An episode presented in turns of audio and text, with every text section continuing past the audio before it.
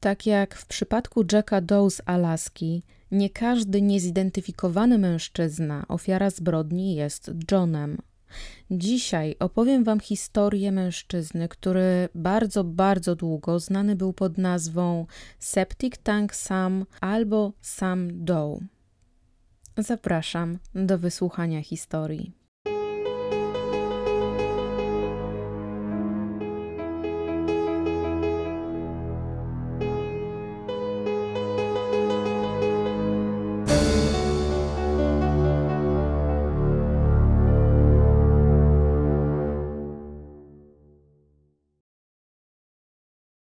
12 kwietnia 1977 roku w miejscowości Lindbrook, około 13 km na zachód od miejscowości Tuffield w prowincji Alberta, w zbiorniku na Szambo zostają znalezione zwłoki mężczyzny. Śledczy z kanadyjskiej królewskiej policji konnej uważali, że sam mógł zostać pozbawiony życia rok wcześniej, w 76, Uważali także, że nie pochodził z Kanady, a raczej, że był takim pracownikiem migrującym. Ta konkluzja wzięła się z faktu, że gdyby mężczyzna pochodził z okolicy, to najprawdopodobniej ktoś z krewnych, ktoś z jego przyjaciół czy po prostu znajomych zdecydowanie wypełniłby formularz dotyczący zaginięcia tego człowieka. Aczkolwiek fakt ten, że sam był Kanadyjczykiem, absolutnie nie został wykluczony. On po prostu mógł być samotnikiem. W chwili odnalezienia sam ubrany był w niebieską koszulę z guzikami, takimi guzikami zatrzaskującymi się, marki e, Levis. Ta koszula oczywiście była. Pod koszulą miał szarą e, koszulkę z krótkim rękawkiem, a dalej miał na sobie niebieskie dżinsy i żółte buty, które bardzo podobne były do butów marki Wallaby. Jego zwłoki owinięte były w żółte prześcieradło, a prześcieradło to związane było w poprzek ciała nylonowym sznurkiem. Sama odnalazła para, która na tej właśnie opuszczonej posesji szukała zbiornika z szambem. Po podniesieniu włazu do zbiornika, mężczyzna, który dokonał znaleziska, zauważył w środku but, a but założony był na nogę sama. I tym mężczyzną, rolnikiem, który znalazł e, zwłoki, był Charlie MacLeod. To prawdopodobnie nie był widok, który chciał zastać Charlie, ale zrobił to, co uważał wtedy za stosowne, czyli wyciągnął but oraz wyciągnął skarpetkę i pojechał ze znaleziskiem na posterunek kanadyjskiej królewskiej policji konnej w Tofield. Dwóch funkcjonariuszy, którzy po zobaczeniu tego, co przywiózł im rolnik, niezwłocznie przybyło na miejsce, e, potwierdziło, że wewnątrz w zbiorniku z szambem, owinięte w prześcieradło oraz sznurek, znajduje się ciało, które zostało tam umieszczone głową w dół. Aby wyciągnąć zwłoki sama z wnętrza, przez ponad godzinę opróżniali zbiornik szamba, który głęboki był na 1,80 m, przy pomocy wiaderek po lodach.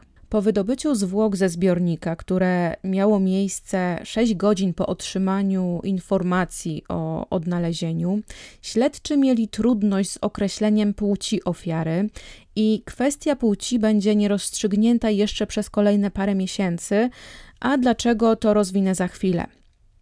Patolog z Edmonton stwierdził, że sam jest człowiekiem rasy białej, jednak patolog z Oklahomy stwierdził, że nieznajomy mógł być równie dobrze rdzennym mieszkańcem Kanady. Ofiara była średniej budowy, miała ciemne włosy. Niestety kolor oczu e, został tutaj określony jako nieznany. Wiek tej osoby szacowano na między 23 a 32 lata i większość gazet, w których pojawiła się informacja o Samie, podawało jego wiek na 28.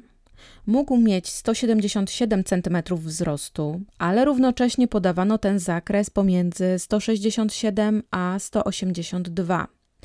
Ważyć mógł 81 kg, ale nie jest powiedziane, że nie było to 65. Także, jak słyszycie, śledczy nie mieli jakiegoś takiego mocnego punktu zaczepienia, jeśli chodzi o cokolwiek, co wskazywałoby, kim jest sam.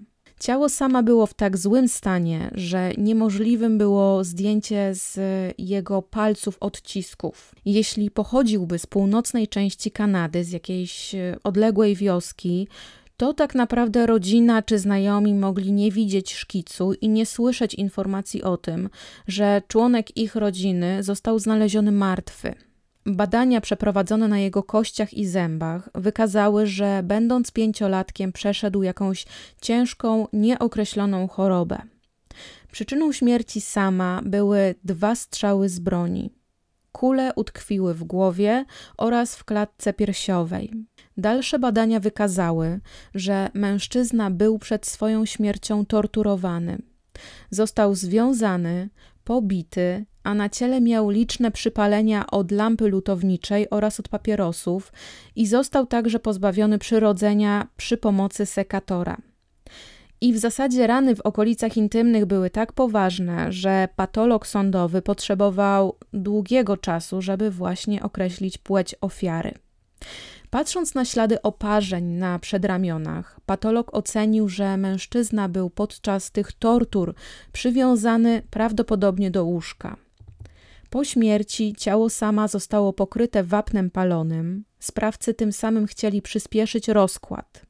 Ciało miało znajdować się w zbiorniku szamba minimum od 3 do 4 miesięcy. Śledczy badający sprawę określili, że w tamtych czasach była to bardzo sadystyczna i nacechowana ogromną złością zbrodnia, która została właśnie dokonana na tym mężczyźnie. Z całą mocą śledczy pracowali nad rozwiązaniem sprawy i Zdjęcie rentgenowskie zębów sama zostało wysłane do ponad 800 dentystów na terenie Alberty.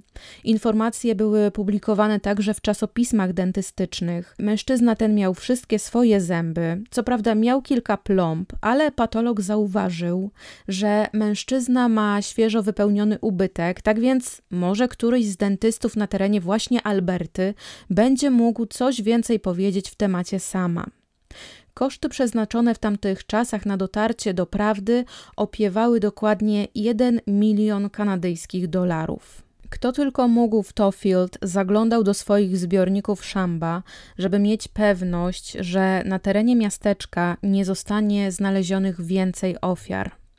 Ludzie plotkowali, że sam został tak mocno okaleczony, ponieważ mógł popełnić w przeszłości przestępstwo seksualne, mógł napastować nieletnich, albo w nieco lżejszym przypadku być po prostu niewierny w związku, w którym był. I taki to właśnie był odwet partnerki albo partnera na samie.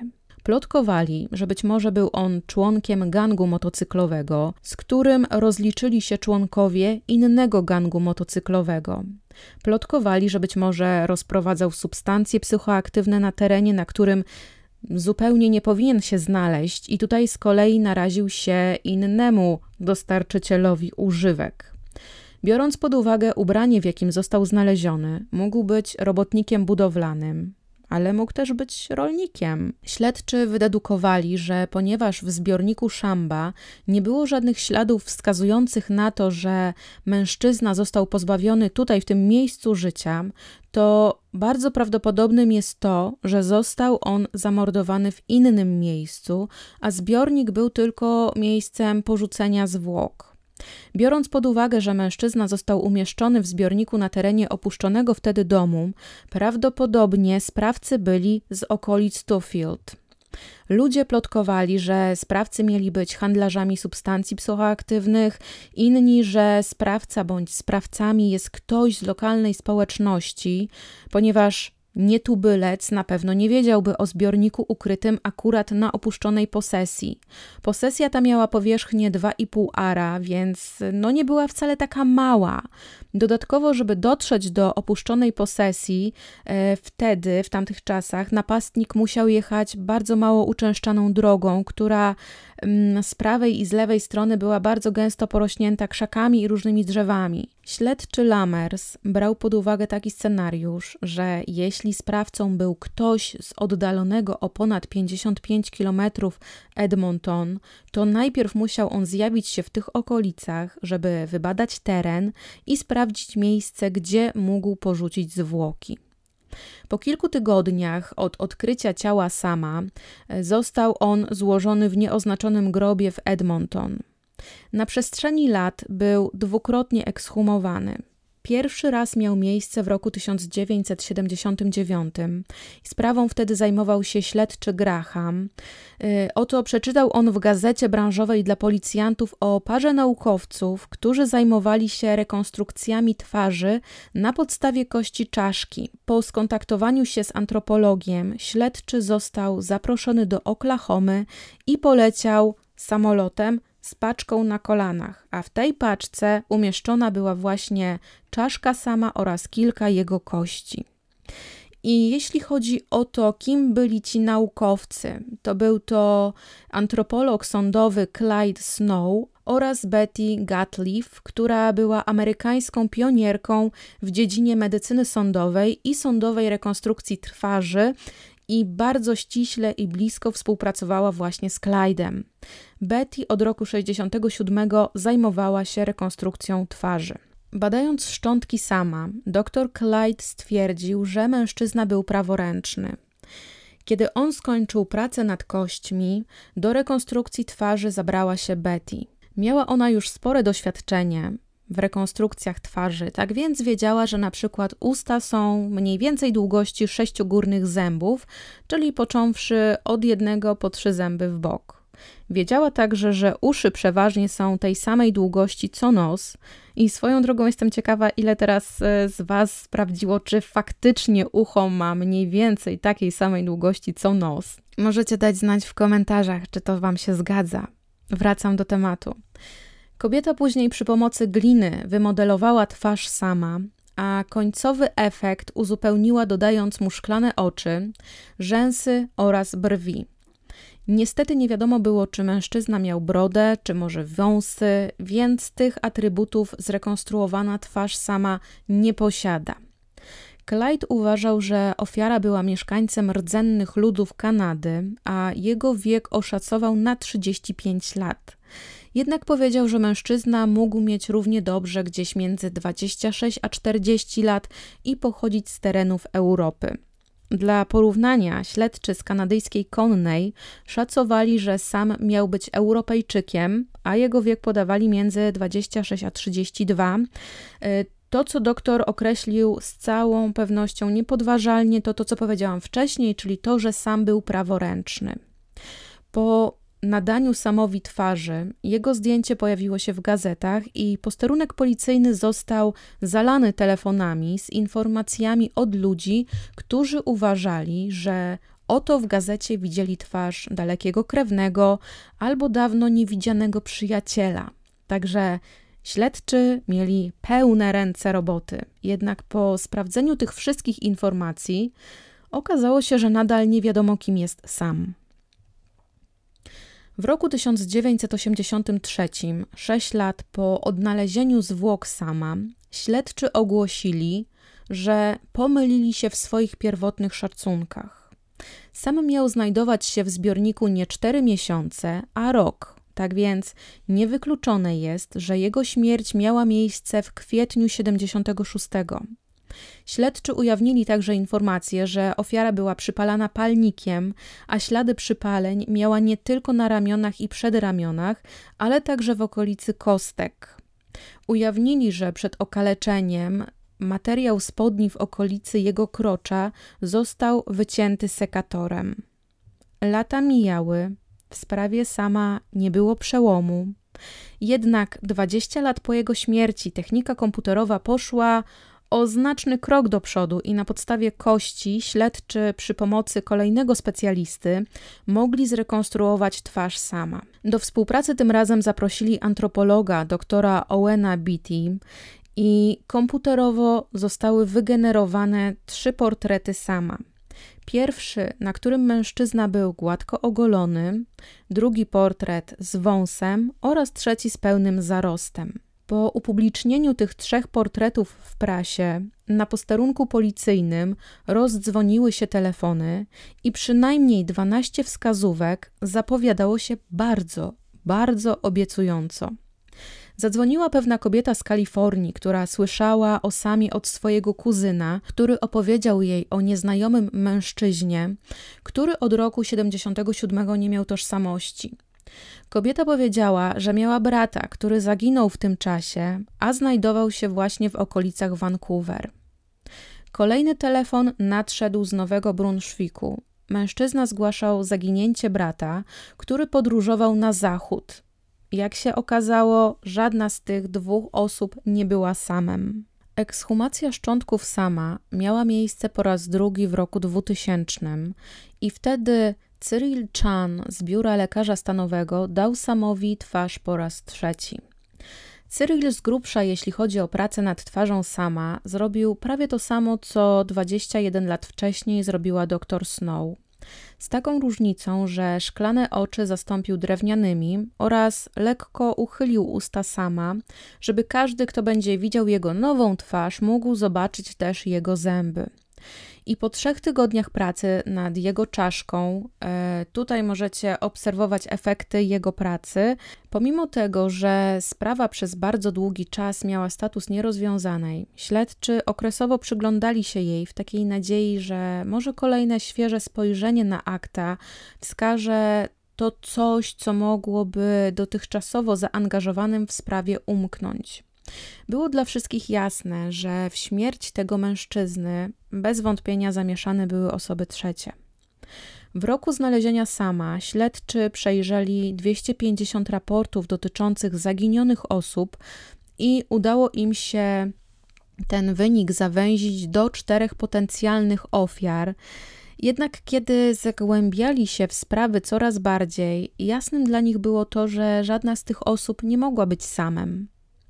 Na przestrzeni lat śledczy wielokrotnie apelowali do opinii publicznej o pomoc, umieszczali wielokrotnie w mediach rekonstrukcję jego twarzy oraz każdą informację, jaką tylko mogli upubliczniać, to właśnie to robili. W 2019 roku śledczy wysłali częściowy profil DNA do powstałej 7 lat wcześniej kanadyjskiej bazy danych DNA, jednak zwrotnie nie otrzymali dopasowania. W styczniu bieżącego roku szczątki sama zostały zidentyfikowane dzięki genealogii genetycznej. Śledczy zdecydowali się przesłać materiał DNA ofiary do prywatnego laboratorium firmy Otram do Woodland w Teksasie. Firma ta specjalizuje się w odzyskiwaniu i analizie materiału DNA ze zdegradowanych lub skażonych dowodów sądowych, a próbka sama właśnie taka była. Była zdegradowana i była skażona. Laboratorium to zajmowało się także sprawą Christine Jessup, o której opowiadałam Wam w podcaście numer 28. Jeśli nie mieliście jeszcze okazji wysłuchać tego podcastu, no to nie będę tutaj wrzucać e, spoilerów w to, jak potoczyła się tamta sprawa, a zachęcam Was po prostu do odsłuchania. W laboratorium specjaliści dokonali badań na materiale pobranym z kości sama, a potem informacje uzyskane z badania zostały wysłane do amerykańskich publicznych baz danych. Na podstawie otrzymanych informacji zwrotnych specjalistom udało się zbudować drzewo genealogiczne ofiary i tym sposobem dotrzeć do Joyce Sanderson, czyli starszej siostry sama. Od kobiety pobrano materiał DNA i wreszcie 29 czerwca 2021 roku sam odzyskał tożsamość, a dzień później na zwołanej konferencji e, śledczy z kanadyjskiej Konnej podali do publicznej wiadomości tożsamość sama. 26-letni Gordon Edwin Sanderson był rdzennym mieszkańcem pochodzącym z Manitoby i w okolicy swojej śmierci mieszkał w Edmonton i tam mieszkał od lat 70. Kiedy ostatni raz Gordon rozmawiał ze swoimi rodzicami, to wspomniał, że planuje odwiedzić swojego młodszego brata Artura, który wtedy mieszkał w Calgary. Niestety nie doszło do spotkania między braćmi. Gordi, jak to wszyscy mówili na mężczyznę, nie miał łatwego życia. Urodził się 22 października 1950 roku w Manitobie i kiedy miał i kiedy miał 9 lat, został zabrany ze swojej rodziny i umieszczony w rodzinie zastępczej.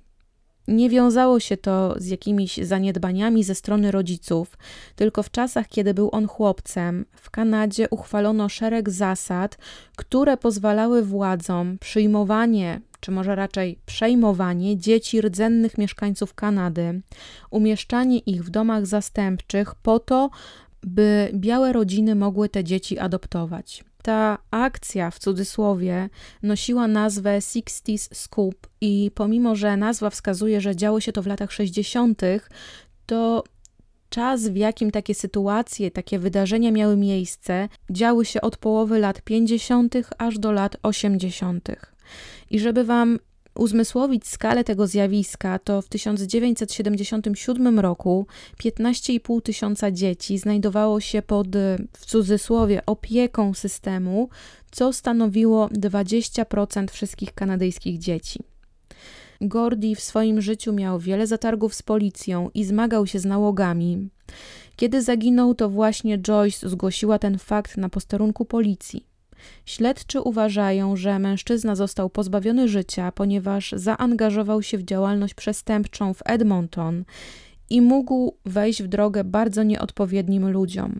Śledczy są też otwarci na rozmowę z każdym, kto spotkał w tamtych czasach mężczyznę, albo z każdym, kto go znał, kto może mieć jakiekolwiek informacje o jego śmierci. Oczywiście po identyfikacji sama jako Gordiego, śledczy rozmawiali z niektórymi jego przyjaciółmi czy osobami, które znały mężczyznę. Mm, jednak po ponad 40 latach no nie było tych osób zbyt wiele i niewykluczone jest, że sprawca zbrodni może też już nie żyć.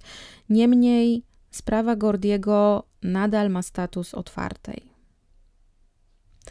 Dziękuję Wam bardzo, bardzo serdecznie za wysłuchanie dzisiejszej historii, którą notabene wybraliście w głosowaniu na Instagramie. Dziękuję moim patronom, którzy wspierają moją działalność, a patroni z określonego progu mają możliwość otrzymania przesłuchania tego podcastu wcześniej. Mm, dziękuję każdemu, kto decyduje się też wysłuchać, skomentować, zostawić łapkę, zasubskrybować e, mój kanał, ponieważ to bardzo pomaga w rozwoju. Ja dziękuję Wam bardzo serdecznie za wysłuchanie historii. E, zapraszam w poniedziałek na kolejną na kolejne głosowanie. No i cóż, co mogę powiedzieć więcej? Życzę Wam miłego tygodnia i do usłyszenia niebawem. Trzymajcie się cieplutko. Pa, pa.